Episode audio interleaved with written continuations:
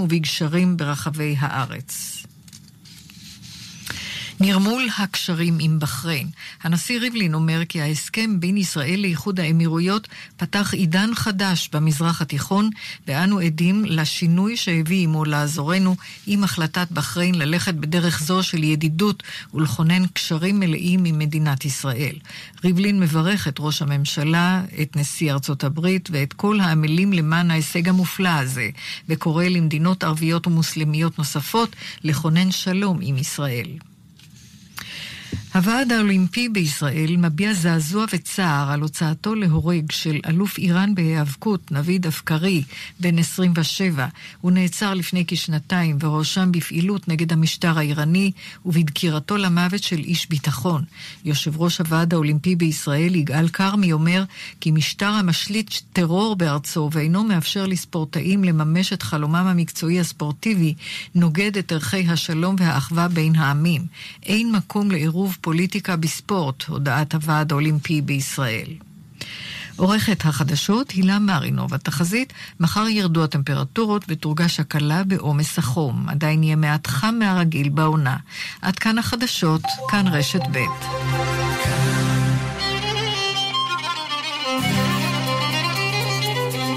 אתם מאזינים לכאן מורשת. כאן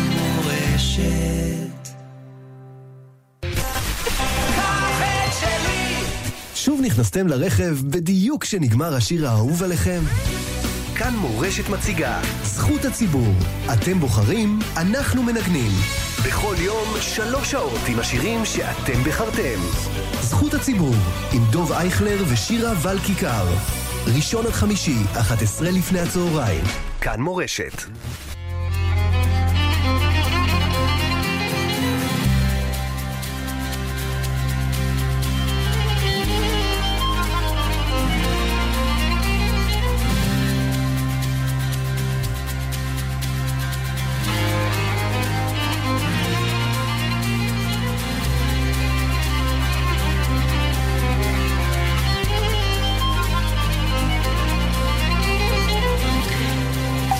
שבוע טוב לכם, כאן מורשת, מוצאי שבת, פרשת ניצבים וילך. אנחנו בשבת האחרונה של שנת תש"פ. אנחנו נפרדים מהשבת במהווה מלכה, תוכנית מיוחדת לקראת שידור הסליחות של בני אשכנז הערב בשעה 11 בבית הכנסת הגדול ברמת גן, בהשתתפות החזן ישראל רנד, מקהלת קולות מן השמיים, בניצוחו של רפי ביטון. שבת אחרונה בשנה, יש לה מעלה גדולה כדברי השם משמואל. יש בה לתקן מה שהחסיר בכל השבתות של השנה. דבקות ועונג שבת, וכאשר שבת זו היא בעונג ודבקות, כדעת ומתקן בה כל שבתות השנה, כל האורות מכל שבתות השנה, כולם נקבצו, באו בשבת זו. ואפשר להמשיך את הרעיון הזה של דברי השם משמואל, גם על מעלת השבוע הקרוב האחרון של השנה, שכל יום ויום מתקן את הימים של השבוע בכל השנה. וככל שנמלא את הימים הללו ברוחניות, אור של שנת תש"פ, תהיה השנה הזאת מלאה אורות, וניכנס לשנה החדשה באורות גדולים מאוד. ויהיה לנו גם יותר קל להיכנס, במיוחד במצב של היום. זה אולי גם אחד הטעמים לתחילת אמירת הסליחות של בני האשכנז בשבוע שלפני ראש השנה. אנחנו נשוחח על כך עם הרב יואל קטן, מנהל מכון שלמה אומן. אנחנו נשמע ממנו על הסיבות להתחלת הסליחות דווקא בימים האלו, למרות שכבר הספרדים כבר התחילו בתחילת חודש אלול. והימים הללו הם ימים של חשבון נפש על המצוות ועל העבירות שכל אדם ואדם עשה. בסופו של יום ובסופו של שנה אדם צריך להגיע עם המאזן של המעשים שלו לפני ריבונו של העולם. לתקן את מה שלא טוב ולהיטיב את מעשיו. הדבר דומה לעולם העסקים, שבו בסוף השנה, שנת הכספים, צריך להגיע לסיכום חשבונאי של הפעולות של כל השנה שעברה ולהגיש מאזן שנתי. על הדמיון והערכים החשבונאיים לעבודת האדם, נשוחח עם רואת החשבון איריס שטרק, נשיאת לשכת רואי החשבון. נערך גם את הזמרת שרון רוטר, נשמע ממנה על הסיפור האישי שלה, של החזרה בתשובה, איך משלבים את עולם היצירה ועולם המצוות, ועוד אה, נושאים אה, נוספים שיובילו אותנו בסופו של דבר אל השידור הישיר של הסליחות הראשונות שבני אשכנז. נאמר לכם שהשיעור של הראשון לציון, הרב יצחק יוסף, הרב הראשי לישראל, הפעם אה, יידחה, אפשר אולי באמצעים אחרים אה, לשמוע את השיעור הזה מפני השידור הסליחות המיוחד של עדות אה, אשכנז, ואנחנו נחזור בוודאי בשבוע הבא לשיעור כרגיל של הראשון אה, לציון, הרב יצחק יוסף, מבית כנסת היאסים. אז אנחנו רוצים אה, לפתוח עם שיר למוצאי שבת, זמר למוצאי שבת, שאותו חיבר הבא הראשון של ארץ ישראל, הרב קוק, שיר מיוחד ומרגש ומחבר בין התקווה לגאולה בדמותו של אליהו הנביא לימי הפרחת ההשממה במאה הקודמת שאותה חי הרב קוק. הלחן הוא של יוני גנות, הביצוע הוא יחד עם אילן דמרי וישיבת ירושלים לצעירים. רק נאמר לפני כן את התודות לטכנאי שלנו יובל יסוד, סייע בעריכה איתי סופרים, המפיק שלנו גיא מחבוש, כאן ליד המיקרופון ידידיה תנעמי, אנחנו נבלה את הלילה הזה ביחד, נקווה עם תובנות וגם רגש מיוחד. ישמח ליבי וקרבי ויגל דמי וחלבי וירום ונישא מצבי לעת יקיץ אריה ולוי ולא יביא לי יביא את אליהו הנביא. אלוהי יביא לי יביא את אליהו הנביא. וניחומי ממעלו כליותיי וששון ידע שנשמותיי מציון תבואנה תנחומותיי כי יהפך לשחר. ואלוהי אבי לי אבי את אליהו ואלוהי אבי לי אבי את אליהו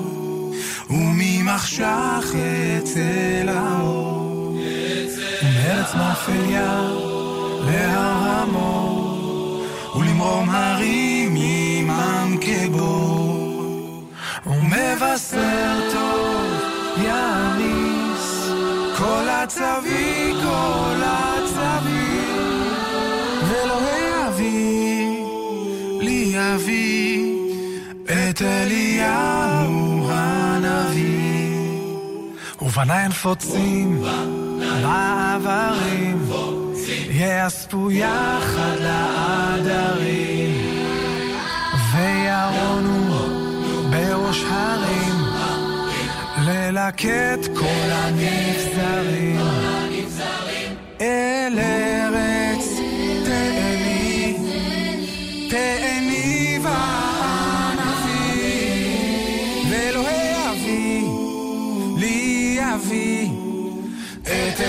אליהו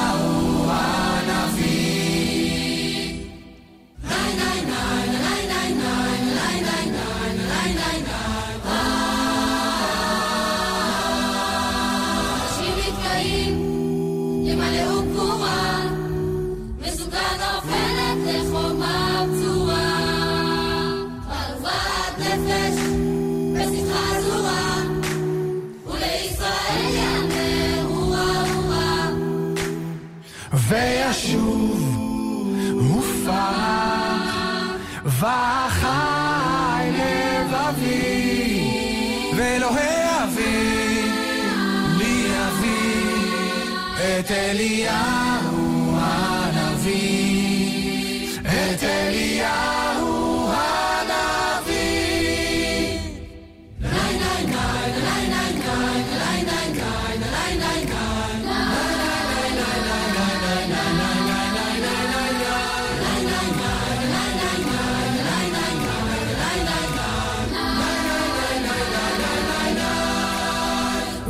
וישוב ופרח וחי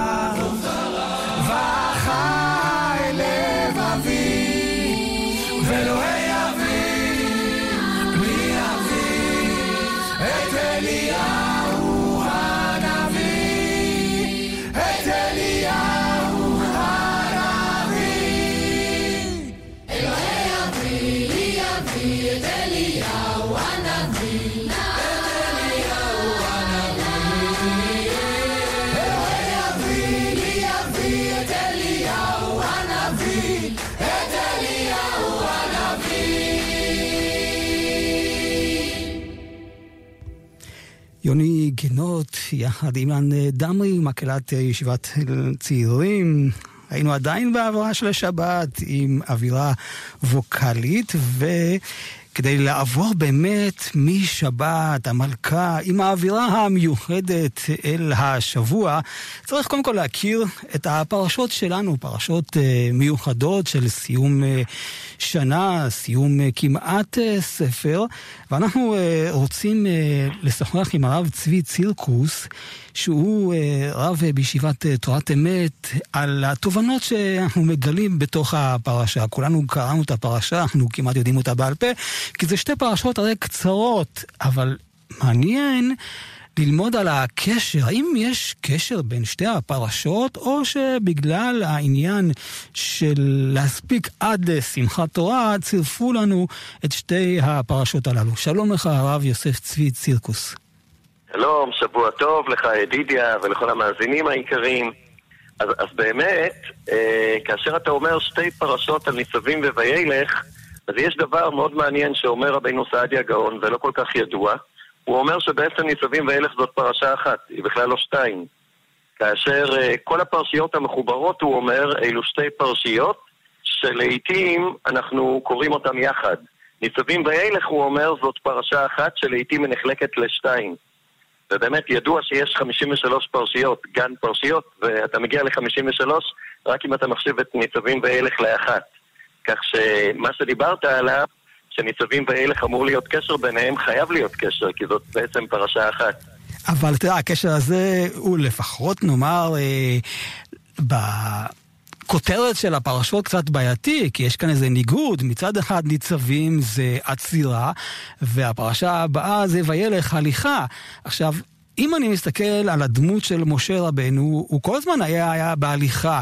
אה, אפילו, אתה יודע מה, אני נזכר שההתחלה של השליחות של משה רבנו, הוא פנה אל יתרו, כתוב שם, וילך משה אל יתרו חותנו. הנה הליכה. וכל הזמן הוא נמצא בשליחות, שזה בעצם הליכה. והנה כאן אה, הוא פונה לעם ישראל, אומר להם, אתם ניצבים. למה? אם בכלל, אתה יודע, אה, לוקחים עכשיו את תנועת חב"ד, כל החיים זה עניין של שליחות, אז מה, צריך לומר לעם, אתם ניצבים, הפוך, אתם שלוחים. יפה, שאלה מצוינת, וננסה לענות עליה. באמת, ניצבים הכוונה היא עומדים, ולא סתם עומדים. ניצב, זה ניצב עומד בתוקף במקום. שום דבר לא יזיז אותו משם. ווילך אומר שהוא כל הזמן הולך. אז איך יכול להיות ששתי העניינים האלה הולכים יחד, וכאמור זאת בכלל פרשה אחת? אז באמת, כשבכלל אה, מתבוננים בכל העניינים של התורה והמצוות, רואים שבכל שלושת העמודים שעליהם העולם עומד, תורה, עבודה וגמילות חסדים, אנחנו משלבים ניצבים ווילך. דברים שעומדים עליהם בכל התוקף ולא משנים אותם בשום אופן, ודברים אחרים ש... ועניינים אחרים שבהם דווקא אנחנו צריכים להוסיף את זה משתלב יחד. נעשה אותם אחד-אחד בקצרה. קו התורה, יש לנו בתורה את התורה שבכתב והתורה שבעל פה. התורה שבכתב היא צריכה להישאר כפי שהיא, אסור לשנות בה מילה ואפילו לא אות. בדיוק כפי שהיא ניתנה למשה מסיני, כך היא נשארה עד עצם היום הזה, ואסור בשום אופן לשנות בה כאמור אפילו אות. לעומת זאת, התורה שבעל פה, שגם היא ניתנה למשה רבינו בסיני, ביחד עם התורה שבכתב, הרי התורה שבעל פה, מעצם מהותה, היא כל הזמן הולכת ומוסיפה. התנאים, האמוראים, הראשונים, האחרונים, וכל מה שתלמיד ותיק עתיד לחדש, כל הזמן הולכים ומוסיפים. יש פה וילך. בתורה שבעל פה עצמה, גם כן הוילך קשור לניצבים דווקא, מכיוון שאתה לא יכול בתורה שבעל פה לסטות מהכללים. גם בתורה שבעל פה יש י"ג מידות שהתורה נדרשת, ויש הרבה כללים אחרים שהכללים ניתנו למשה מסיני. וכל ההליכה, כל החידושים, הם חייבים להיות צמודים לכללים, ועל פי הכללים האלה אתה יודע שאתה לא הולך למקומות לא נכונים.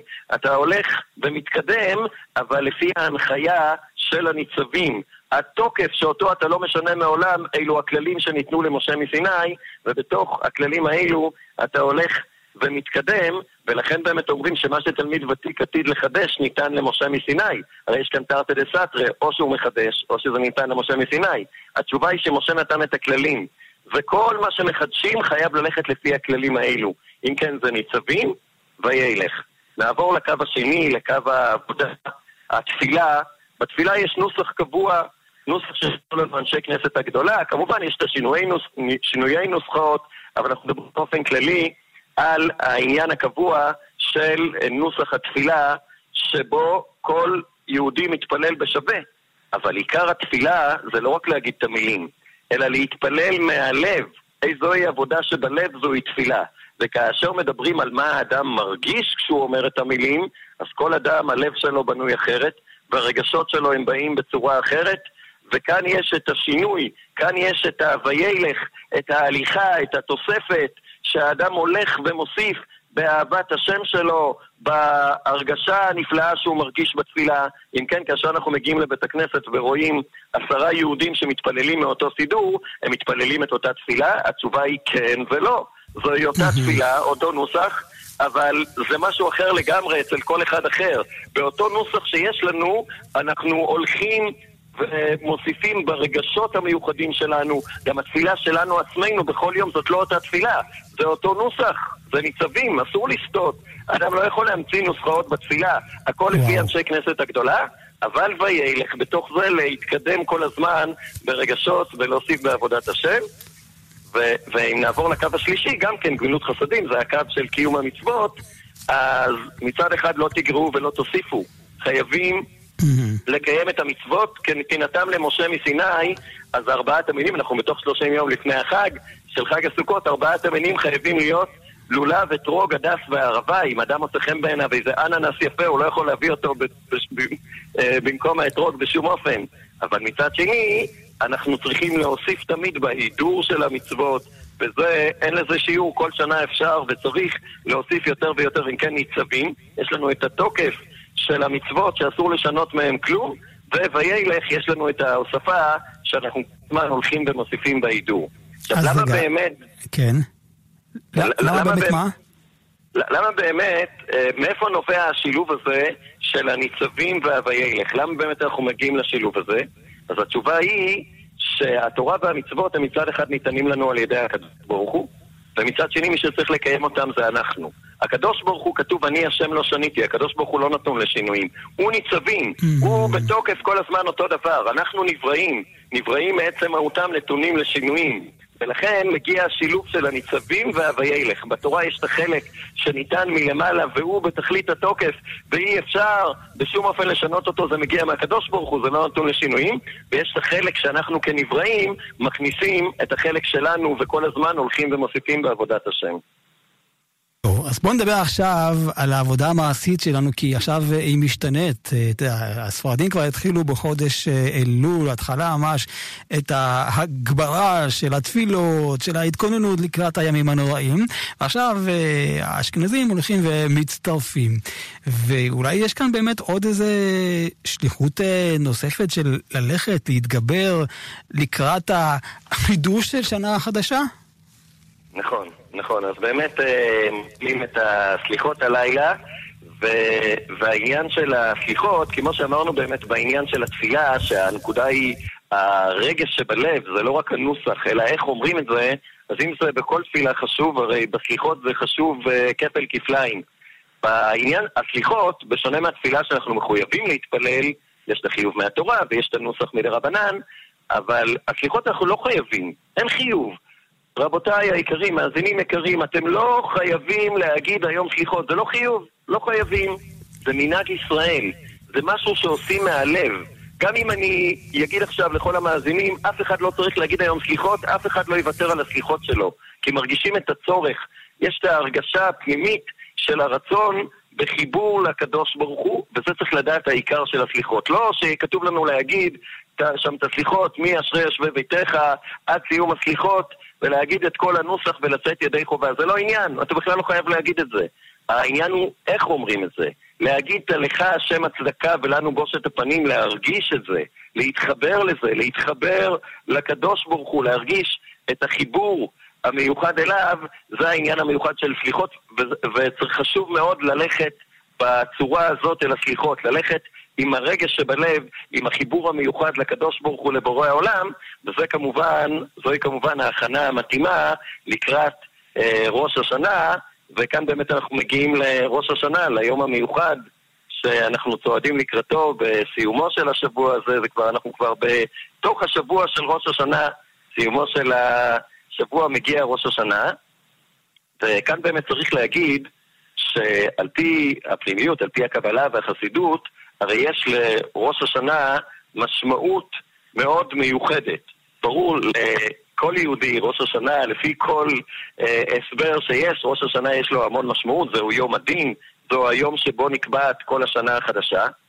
ועל פי הפנימיות, ראש השנה זה לא רק יום שבו הקדוש ברוך הוא יושב בדין וקובע מה יהיה לכל אחד, אלא ביום הזה הקדוש ברוך הוא נותן אור וחיות חדשים לעולם לכל השנה החדשה.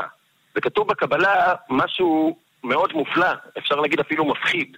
כתוב בקבלה שבערב ראש השנה, כשהשמש שוקעת, זאת אומרת יום שישי הזה, הקרוב, כשהשמש שוקעת, האור האלוקי, שהוא זה שמחיה את העולם, הוא פשוט מסתלק.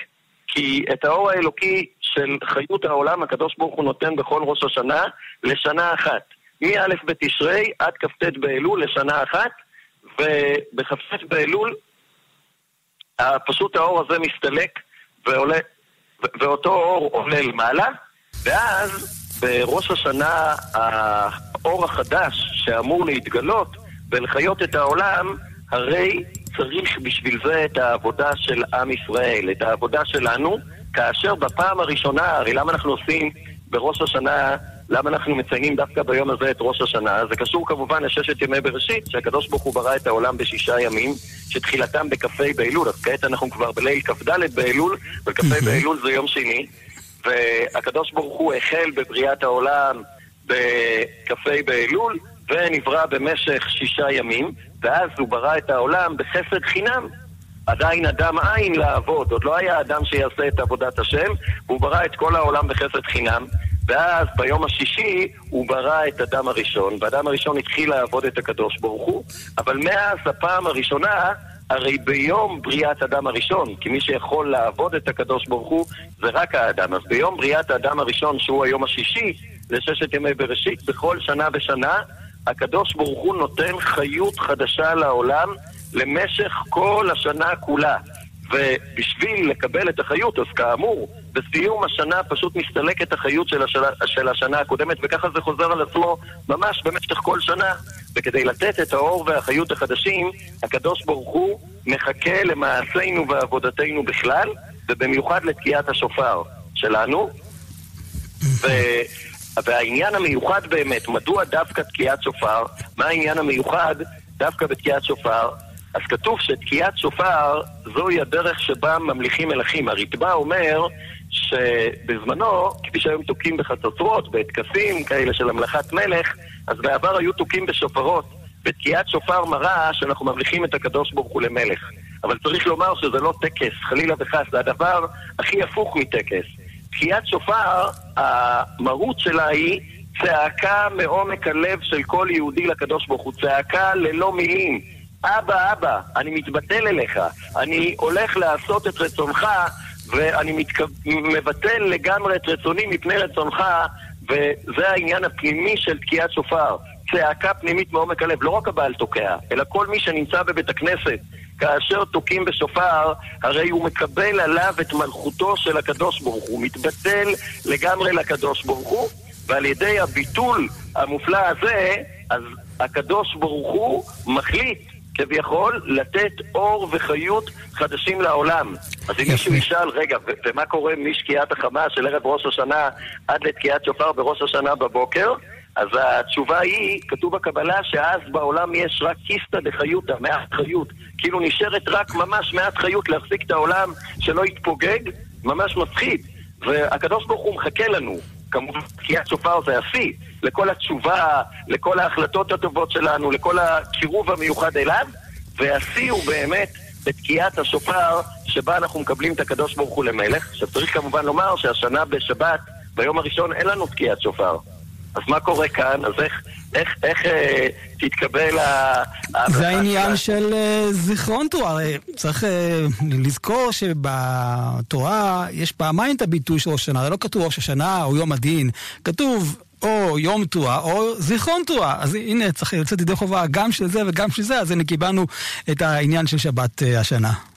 יפה מאוד, יפה מאוד. באמת, אז, הזיכרון תרועה זה, ה, זה העניין של אזכרת. כתוב יום תרועה כשזה חל בחול, וצריך לה- צריך להגיד שכמובן זה אסמכתה. בעיקרון, מדאורייתא הרי תוקעים בשופר גם כשזה חל בשבת. כן, מידש, לא. נכון. וחכמים כן. רק עזרו בזה, אבל האסמכתה נסמכת על מה שכתוב בתורה, יום תרועה וזיכרון תרועה, כפי שאמרת, ו, ובאמת בשנה הזו, הרי זה באופן של זיכרון תרועה, אנחנו אומרים את הפסוקים.